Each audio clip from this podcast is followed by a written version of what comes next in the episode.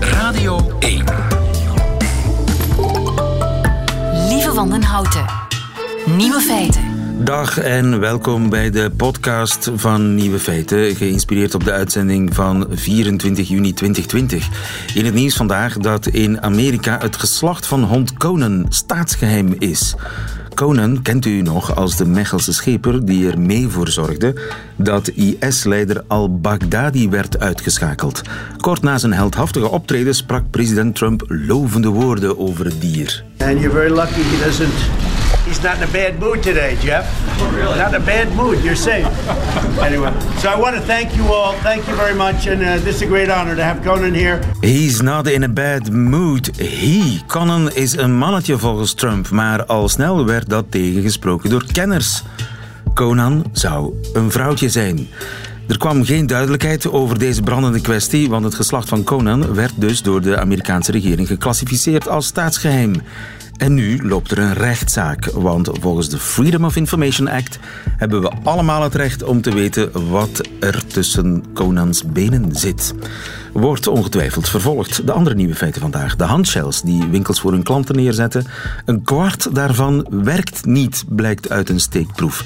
Althans, in Nederland. Schrijver Wim Daniels vindt het woordenboek af en toe racistisch. En Poetin heeft nu ook zijn eigen kathedraal. De nieuwe feiten van Johan Terrein, u hoort ze in zijn middagjournaal. Veel plezier. Nieuwe feiten. Eén op de vier handshells aan de ingang van de winkel, die werkt niet. In Nederland, al- in Nederland althans. Hans Razenberg, goedemiddag. Goedemiddag. U bent directeur van Schoon Hygiënisch Duurzaam, een brancheorganisatie die zich inzet voor een hygiënische leefomgeving voor iedereen in Nederland. En het zijn onze collega's van het Algemeen Dagblad, de Nederlandse krant, die een steekproefje gedaan hebben met een aantal handshells aan de ingang van winkels en ook van peutertuinen, musea en horeca. En ja, wat blijkt daaruit? Ja, het blijkt eruit dat zeg maar, het merendeel van die middelen eigenlijk niet voldoen. Dat wil zeggen, ze bieden geen bescherming tegen het coronavirus. Terwijl toch wel die suggestie gewekt wordt. Eh, dat wil zeggen, ze bevatten minder dan 70% eh, ethanol. En die grens is vastgesteld door de Nederlandse overheid. Die heeft gezegd, wil het effectief zijn tegen corona, dan moeten die producten tenminste 70% bevatten. 70% alcohol of ethanol in dit geval. Eh, en daar komen ze niet aan, aan die gels. Eh, hoe kan dat? Ehm, ik denk dat er heel veel onbegrip is. Mensen hebben toch vaak niet het idee waarom je die middelen gebruikt. Kijk, als je echt. Eh, want er zijn namelijk twee dingen. Ten eerste, heel veel producten eh, blijken dus niet te voldoen. Op het moment waar je claimt dat ze desinfecterend zijn, waar je je protocol opschrijft, mensen moeten en burgers moeten ermee omgaan. Dan mag je ook verwachten als burger dat die middelen voldoen.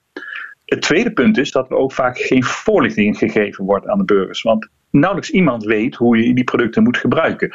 Ik kom regelmatig in winkels en dan zie ik daar al eh handdesinfectie staan. En dan staat er vaak een grote keukenrol naast. Of tissues. Zo van mensen doen even 20 seconden of 10 seconden op een hand, een dikje. En dan smeren ze het meteen weer af aan die tissues. Terwijl dat er ook niet werkt. Je Aha. creëert daardoor een soort schijnveiligheid. En dan had je het beter niet kunnen doen. Dat spaart dan in ieder geval weer dat middel uit. Als Dus je niet, doet- niet alleen de inhoud van het flesje, maar ook hoe je het, de inhoud van het flesje gebruikt, speelt een grote rol. Dat is denk ik ook key. Eh, Je moet het wel op de juiste manier gebruiken. En dat is toch vaak dat je 30 seconden je heel goed je handen ermee moet bewerken. Net 30 zoals je je seconden en moet je- niet afdrogen aan tissue. De Nee, gel. De gel laten moet drogen intrekken. aan de lucht. Ja. Ja. En als er geen 70% alcohol in zit, betekent dat dat die gel gewoon niet werkt? Of misschien zit er iets anders in dat wel werkt, Eh. dat even goed werkt? Eh, kijk, eh, Nederland is in ieder geval zo geregeld dat de overheid heeft gezegd: er is een tijdelijke vrijstelling tot september dat producten die 70% ethanol bevatten, is bewezen dat die tegen corona werken en die mogen ook op de markt gebracht worden tot september. Over het algemeen moeten producten die zeg maar handdesinfectantia moeten sowieso goedgekeurd zijn door, een, eh, door de Nederlandse overheid. Dus, en dat is een hele toelatingsprocedure om de veiligheid van mens en milieu in de werkzaamheid Maar eh, omdat te er een groot tekort was, is de deur wagenwijd opengezet voor alle mogelijke soorten gels. En ja, ik merk het, sommige zijn ook heel dun. Hè? Het is- het lijkt wel water die je op je handen spuit. Eh, ja, dat kan. Maar als langs de 70% valt, is het dan nog steeds goed. Maar vaak houden fabrikanten. Kijk, de, de serieuze professionele fabrikanten. Hè, die houden daar gewoon rekening mee met de verdamping. Het moet in 30 seconden tijd moet zijn werk kunnen doen. Dus ook je moet verdamping reguleren. Eh, wat moet er nu gebeuren? Worden die gels eigenlijk, want het is een krant die een, een steekproefje gedaan heeft, worden die gels onvoldoende ge- gecontroleerd op dit ogenblik? Eh, als ik ga shoppen, dan kan ik zo in één keer de hele quota aan overtredingen binnenhalen. Want ik zie overal flesjes staan die niet voldoen. Op plaatsen waar geacht worden wel eh, echte desinfecterende middelen te staan. En die staan er dan gewoon vaak niet. Ja. Omdat, Dus gewoon- de, omdat eh, er eigenlijk van officiële kant geen controle komt. Men gaat ervan uit dat de, de winkelier in dit geval zich houdt aan de regels en de juiste gel eh, aanbiedt aan zijn klanten. Eh, Ja, nou, ik ga er eigenlijk van uit dat het, eh, de winkelier eh, aan bieden. En ik denk dat het ook een taak is aan de winkelier om te zorgen dat u dan ook die middelen heeft staan. Ja. Met de juiste instructies. Want kijk, op zich ben kan ik alleen maar toejuichen dat we een nieuwe eh, aandacht krijgen voor hygiëne in Nederland. En ik neem aan in België ook, dat er echt hygiëne weer eh, mensen erover na gaan denken. Eh, je doet het voor een ander. Op het moment dat je de winkel binnengaat en je handen even gaat desinfecteren, hè, want vervolgens ga je in die winkel allerlei dingen aanraken. Hè, en andere mensen raken dat dan ook weer aan. Dus het is wel goed dat je van tevoren even je handen desinfecteert. Maar doe het dan op de juiste manier. Ja. En met de juiste middelen. En misschien is het voorlopig geen slecht idee om je eigen flesje bij te hebben waar je zeker van weet dat er eh, spul in zit dat eh, 70% ethanol bevat om eh, de virussen te doden.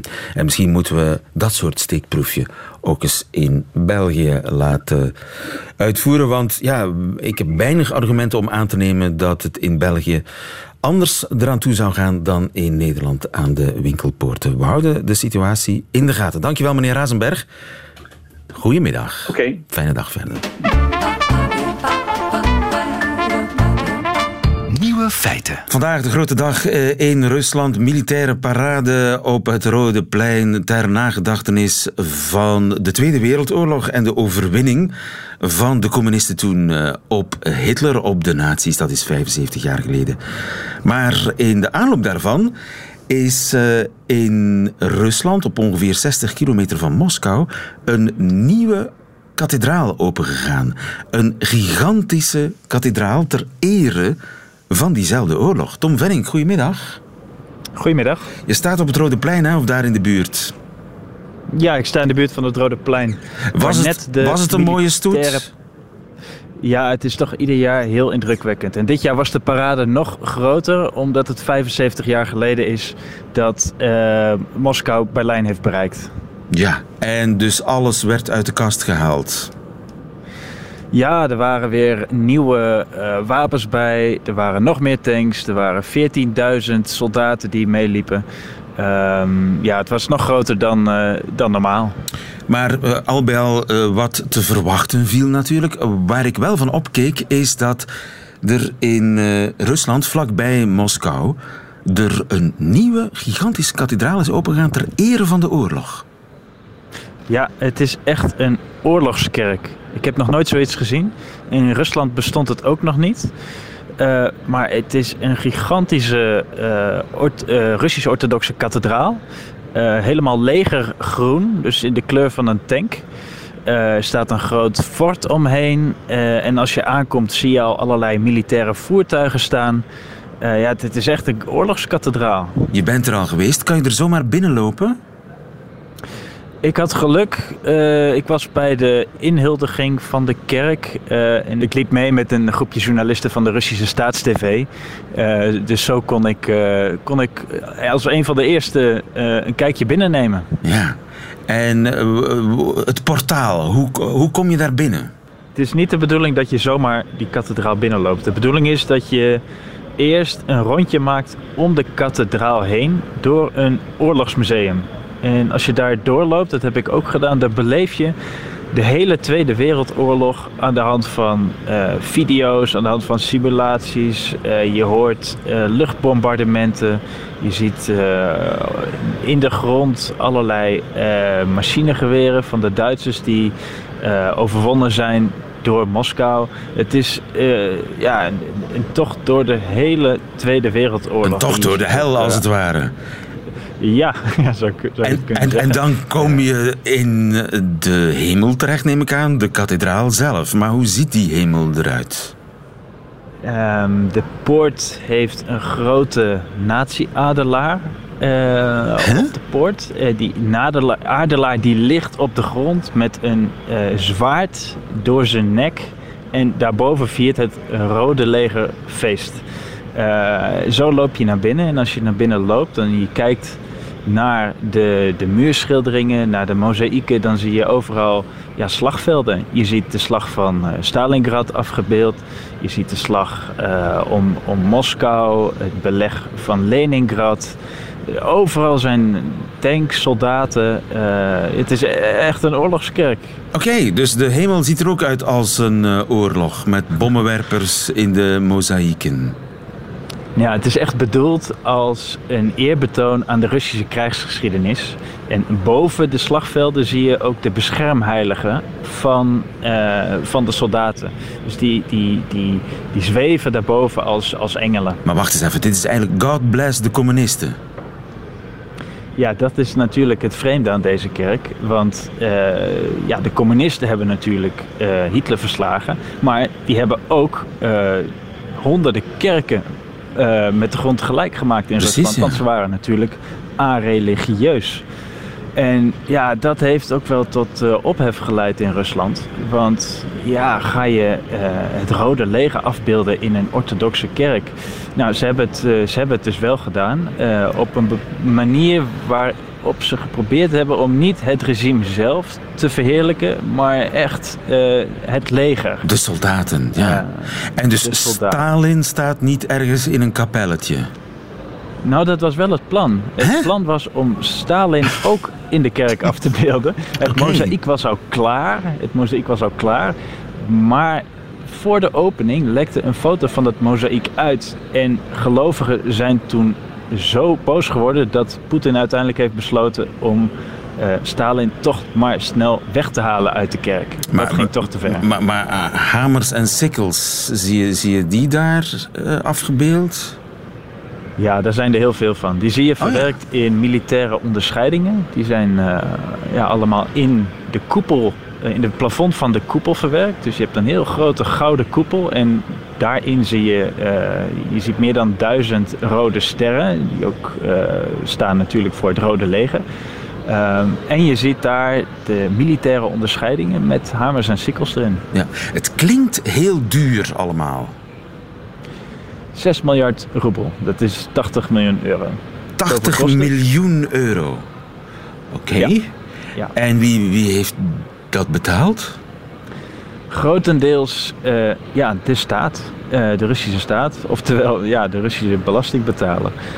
Uh, en wat er overblijft is grotendeels betaald door, ehm, door, door Russische regeringsleiders, onder wie Poetin. Ja. Die heeft zelf ook een donatie gedaan. Zou je kunnen zeggen dat dit het cadeau van Poetin is aan de Russisch-Orthodoxe Kerk?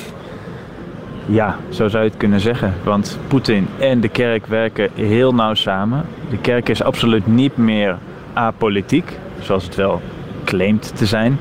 Maar onder Poetin is de kerk, eh, ja, we gaan samenwerken met, met, uh, met de president. Ja. Uh, zij krijgen ruimte om kerken te bouwen. En ja, daarvoor terug uh, geven ze steun aan Poetins beleid. En dat doen ze openlijk. Dus hij geeft dat cadeau aan, de kerk en de kerk steunt hem openlijk, roept op, roept de gelovigen op om Poetin te steunen.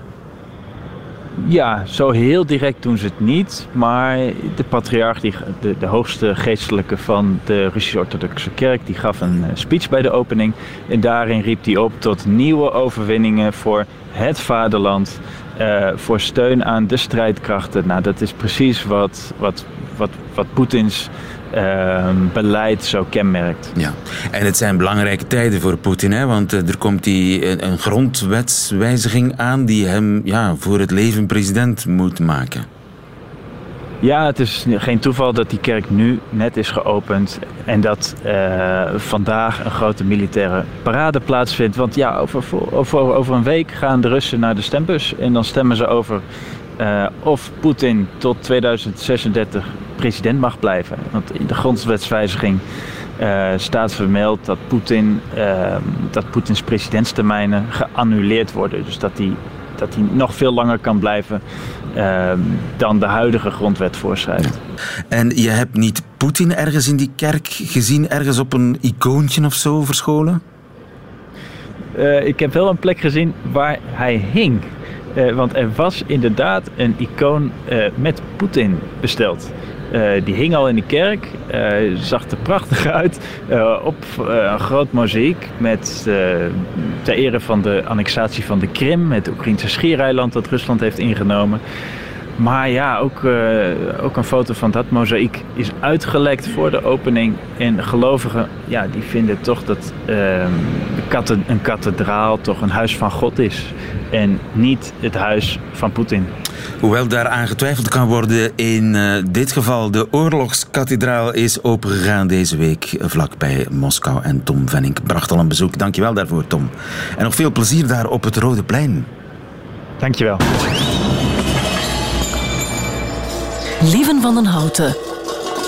Het woord kaffer staat in het woordenboek. Uiteraard staat het in het woordenboek, want het is een woord in het Nederlands. Kaffer, dus staat het in Vandalen. Maar er is iets raars met de omschrijving van het woord kaffer. Wim Daniels, goedemiddag. Goedemiddag. Je bent schrijver en je hebt daarover getwitterd deze week over kaffer. Hoe omschrijft Vandalen het woord? Nou, ik was um, op zoek even naar de herkomst van het woord gnoe, het wilde beest. En daar staat bij dat het uit, uh, afgeleid is uit een kafferwoord. En toen dacht ik, dan ga ik even kafferwoord opzoeken. Dat staat er niet als trefwoord in, maar wel kaffer met een hoofdletter staat er natuurlijk ook met een kleine letter in, omdat het een scheldwoord is. Maar kaffer met een hoofdletter. En daar staat de algemene naam voor de Bantu-negers in Zuidoost-Afrika. Onder andere de Zulus omvattend.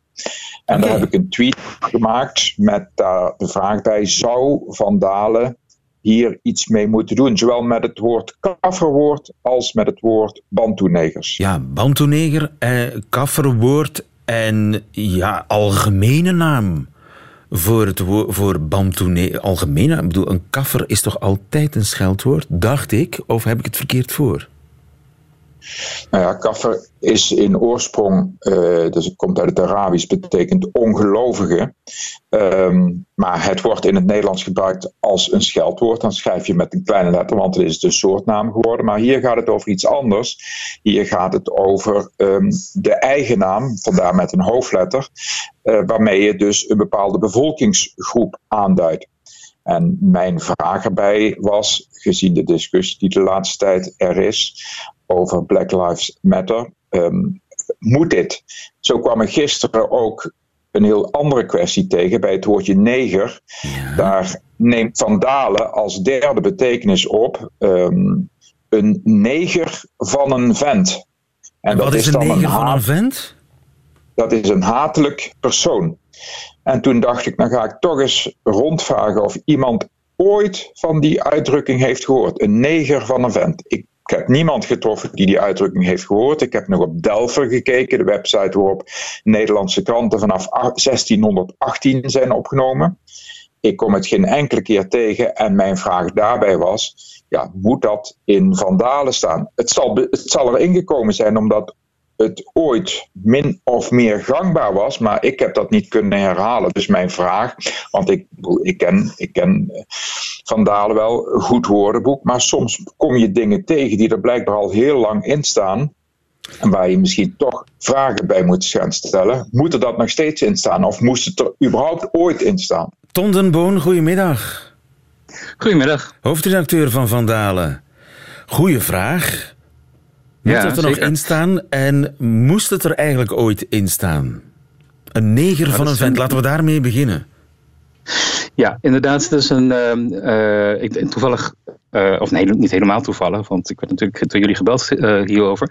Heb ik even gekeken ehm, eh, op Twitter eh, wat, eh, wat Wim Daniels eh, bedoelde. En het, hij had inderdaad een. Oh, oh, oh, oh, oh, oh, oh. De, de, de, gevonden, maar wel een heel oud voorbeeld.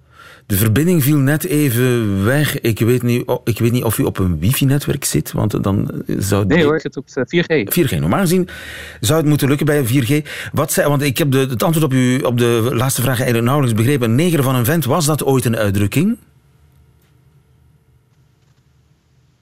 Nou, het, eh, ik heb in Delver, dus waar eh, Wim Daniels ook in gezocht heeft, heb ik één voorbeeld gevonden uit eh, 1903. Ehm, dus het heeft ooit wel bestaan. Het is in 1904 opgenomen in het woordenboek.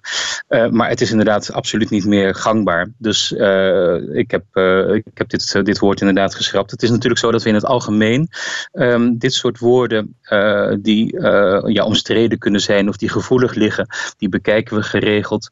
En op basis van eh, wat we in de kranten en in de tijdschriften aantreffen, eh, ja, brengen we ook aanpassingen aan in de behandeling van dit soort woorden. Ja, maar dus die neger van een vent is gewoon vergeten weg te halen.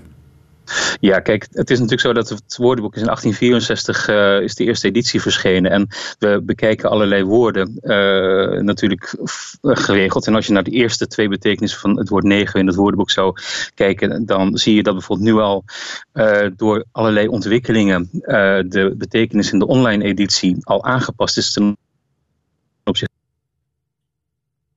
Ja, we moeten jou bellen, denk ik. We gaan jou bellen, eh, Ton, want de Skype-verbinding begeeft het. Ik ga intussen terug naar Wim. Wim Daniels, jij bent er wel nog, hè, mag ik hopen. ja, ik ben er nog steeds.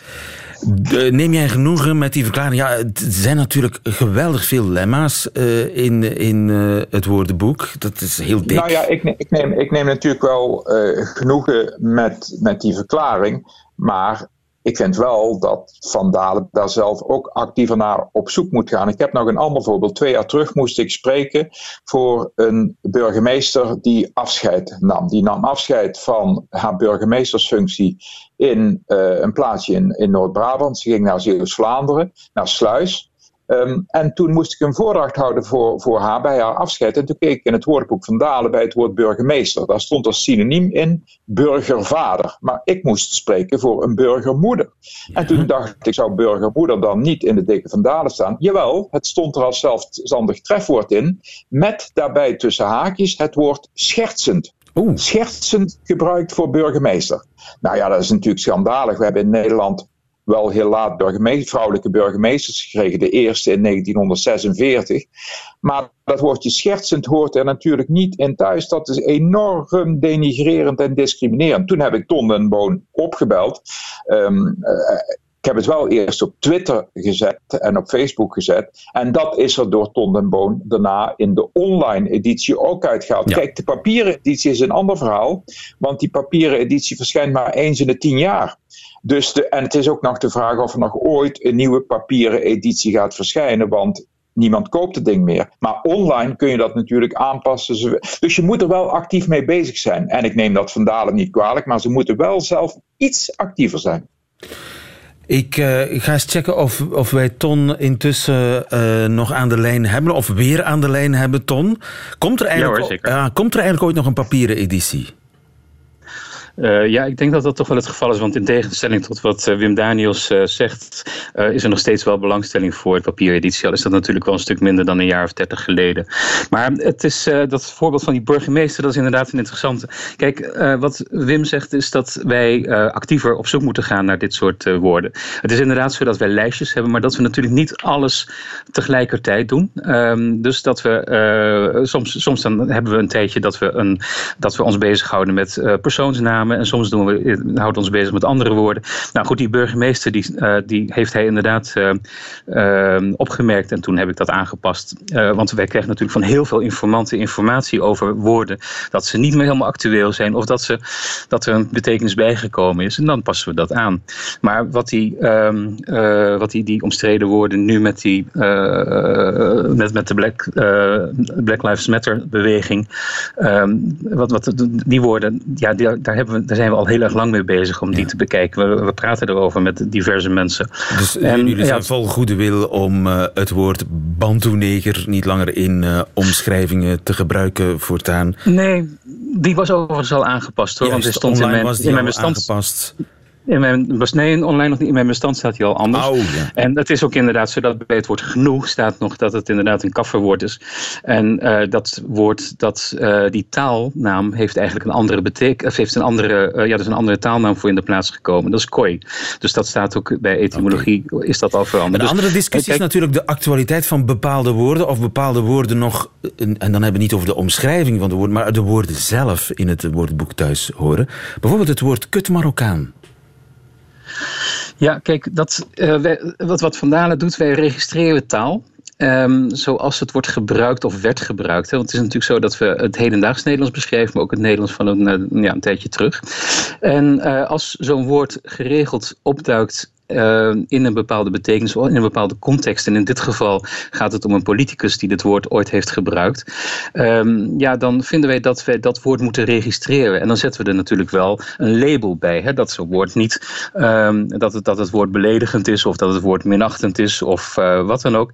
Hè? Dus die waarschuwingslabels die in het woordenboek staan, die dienen ervoor ja. om uh, duidelijk te maken dat je zo'n woord maar beter eigenlijk niet kan gebruiken. Ja, ja, maar... En dus dat ook de taalgemeenschap daar zo over denkt.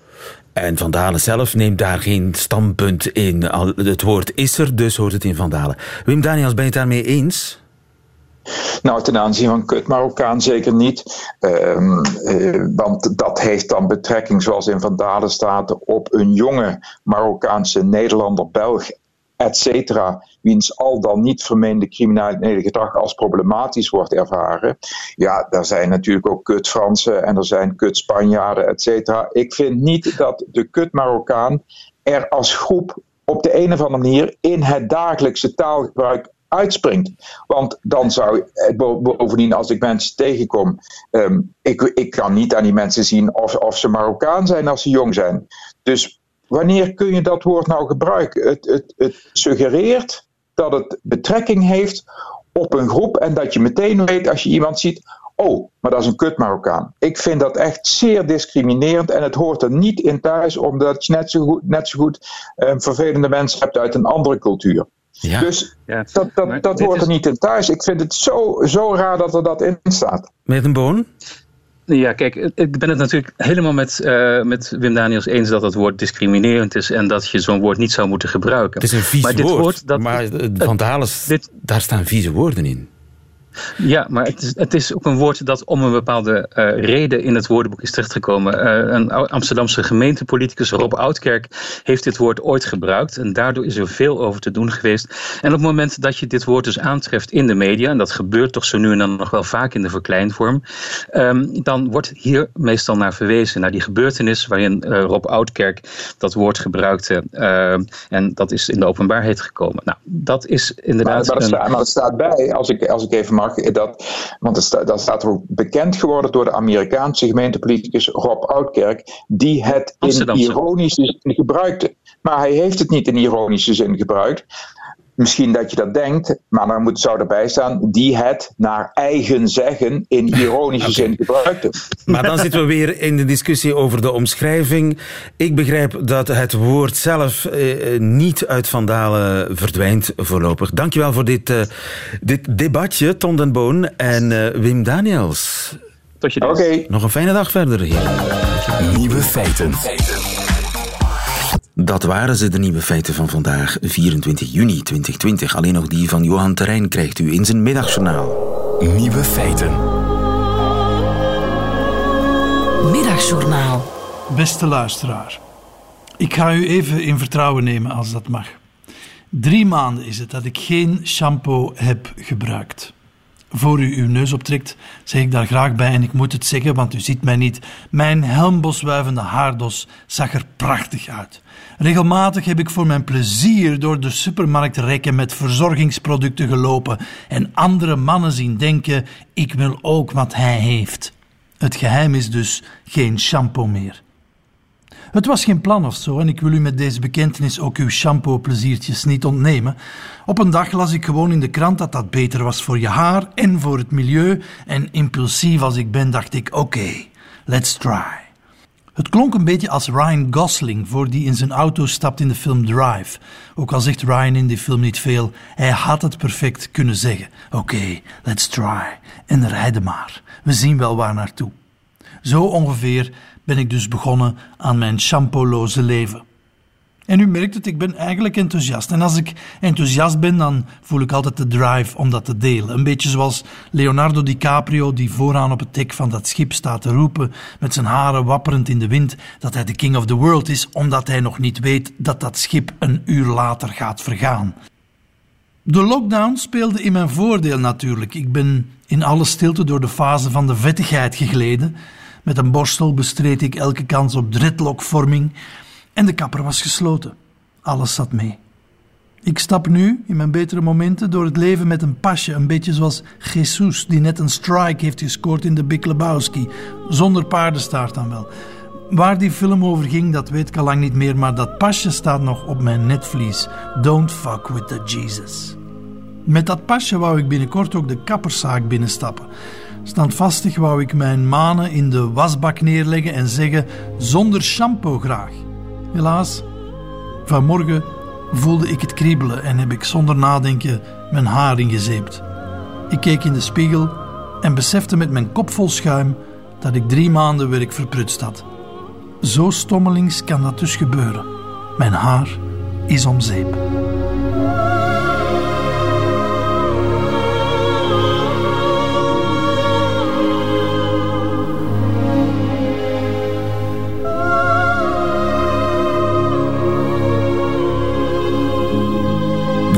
Dringend uh, checken of dat klopt, dat van nooit meer haar wassen. Johan Terrein in zijn middagjournaal. Einde van deze podcast. Hoort u liever de volledige uitzending met het muziek erbij? Dat kan natuurlijk ook via onze website radio1.be of via de Radio 1 app. Tot een volgende keer.